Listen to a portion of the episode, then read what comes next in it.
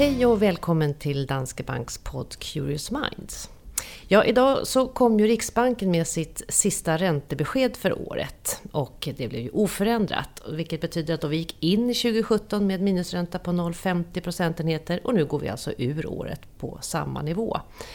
Ingen höjning alltså, eh, men däremot så meddelade man att eh, man kommer avsluta köpet av statsobligationer vid årsskiftet. Som vanligt så har jag vid min sida idag eh, Mikael Gran, chefekonom på Danske Bank, som ska kommentera beskedet. Välkommen Mikael! Tack!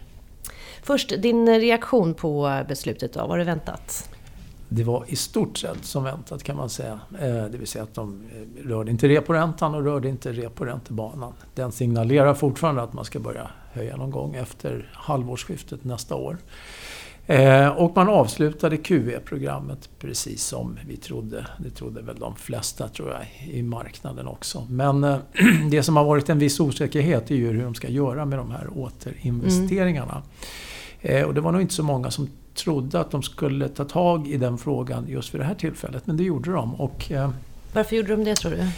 Ja, ehm, man kan säga som så här att eh, om, när de nu avslutar QE-programmet så eh, det de har kvar eh, det är att eh, hantera återinvesteringar för de här statsobligationerna som man nu äger. Där kommer det ju kupongutbetalningar av ganska stora belopp. Ehm, och de räknar med att under de närmsta ett och ett halvt åren så är det ungefär 15 miljarder i ehm, kupongintäkter som mm. kommer då. Eh, och sen så förfaller ett stort lån eh, i början av 2019 på 50 miljarder kronor. Mm. Eh, så att det skulle kunna bli väldigt hoppigt då om man först eh, återinvesterar ganska lite under det här året och sen så förfaller ett stort lån på 50 miljarder. Då ökar man statsobligationsköpen väldigt mycket helt plötsligt igen 2019 samtidigt som man då ska ha höjt räntan. Det kan ju möjligen uppfattas som lite konstigt och hattigt då. Så att det de har gjort nu egentligen klumpat ihop alla de här pengarna, 50 miljarder plus 15, det är 65 miljarder då. Och sen smetar man ut det här, eh, de här köpen då med samma belopp över de här kommande sex kvartalen. Så att det blir ungefär 11 miljarder kronor mm. per kvartal. Så det är egentligen det man gör. Man, man summerar upp de här pengarna och så smetar man ut dem så det blir ett jämnare köp. Men det innebär ändå att man faktiskt ökar takten av eh, köp jämfört med vad vi har sett de senaste kvartalen. Så att eh, det är ändå lite överraskande i den meningen att det blir en Ja, i någon mening blir det ju faktiskt lite mer eh, stimulans då. Mm. Men sen ligger ju i deras prognos att de ska höja räntan någonstans Ja, då, precis. Alltså, för att eh, det verkar ju som att experterna ändå är ganska oeniga om när de kommer höja styrräntan.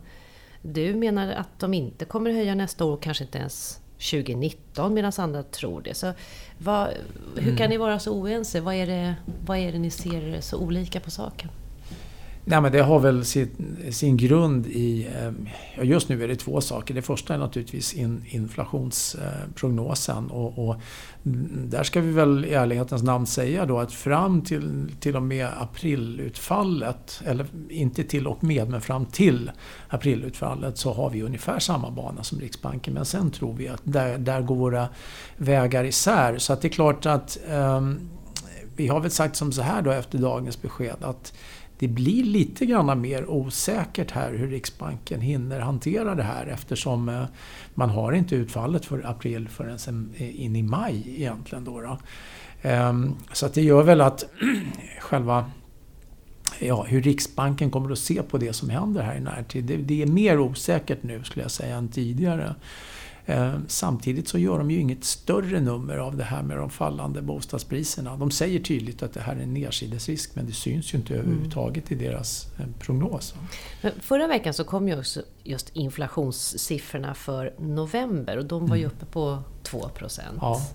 Eh, och då nämnde du förra gången när du satt här i Curious Minds att det här var sannolikt tillfälligt. Så min fråga är helt enkelt, hur länge måste inflationssiffrorna ligga på inflationsmålet 2% som Riksbanken har för att de ska agera?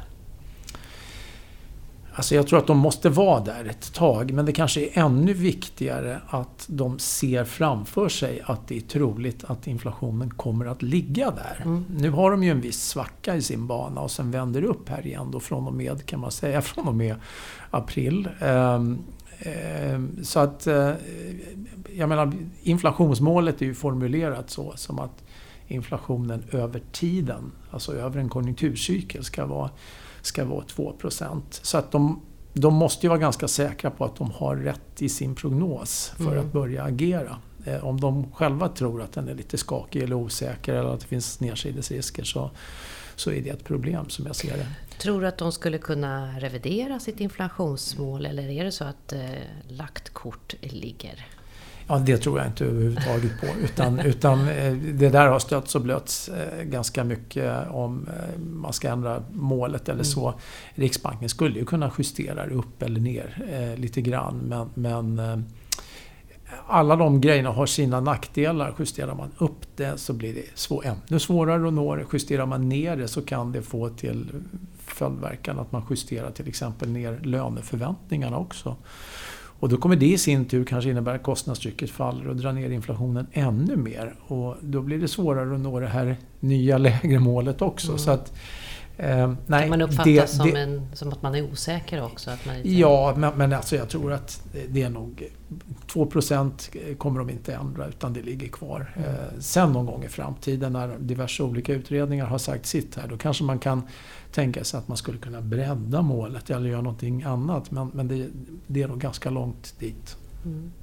Tillbaka lite till styrräntan här. Du, vad, vad tror du? 2019 säger du tror i alla fall du att Riksbanken kommer börja höja. Och hur, hur mycket tror du att de kommer att höja då? Jag tror att det kommer att gå väldigt långsamt. Mm. Alltså, än så länge håller vi ju kvar vid synen att för det här året ut så är det sannolikt att de inte, att de inte gör någonting. Um, 2019 är det klart osäkerheten ökat. Det, det, det, det, kan ju ha hänt saker då som gör att de faktiskt uh, börjar höja även om det i någon mening är väldigt svårt att se det. Det vill säga att de här grundförutsättningarna för inflationen finns inte riktigt på plats. Och då tänker jag på att lönekostnaderna måste, måste ta fart. Eh, och uppe på det så har vi den här diskussionen om vad betyder det här fallet på, på, i bostadspriserna. Mm. Vad betyder det egentligen? För att jag tycker det ligger inte så långt bort att tro att eh, vi kommer få någon slags sättning i bostadsbyggandet som sänker tillväxten och det kan påverka konsumenternas beteende och så vidare. Eh, och det är ingenting som är positivt för, för, för inflationsbilden mm. heller. Så att alla de här bitarna gör att, att det känns väldigt tveksamt till att Riksbanken ska, ska eh, höja räntan ens 2019. Men, men, det är ju naturligtvis inte omöjligt. Eh, det, det kan ju absolut ske. Men, men som sagt ganska osannolikt. Mm. Mm.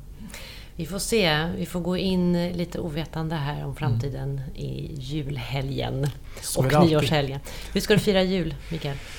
Hur jag ska fira mm. den? Jag ska fira den på Gotland, på mitt landställe. Vad härligt. Ja, det ska bli underbart. Trevligt. Mm. Jag önskar dig en god jul och ett gott nytt år så hörs vi på det nya. Det tack för att du kom hit. Tack, tack.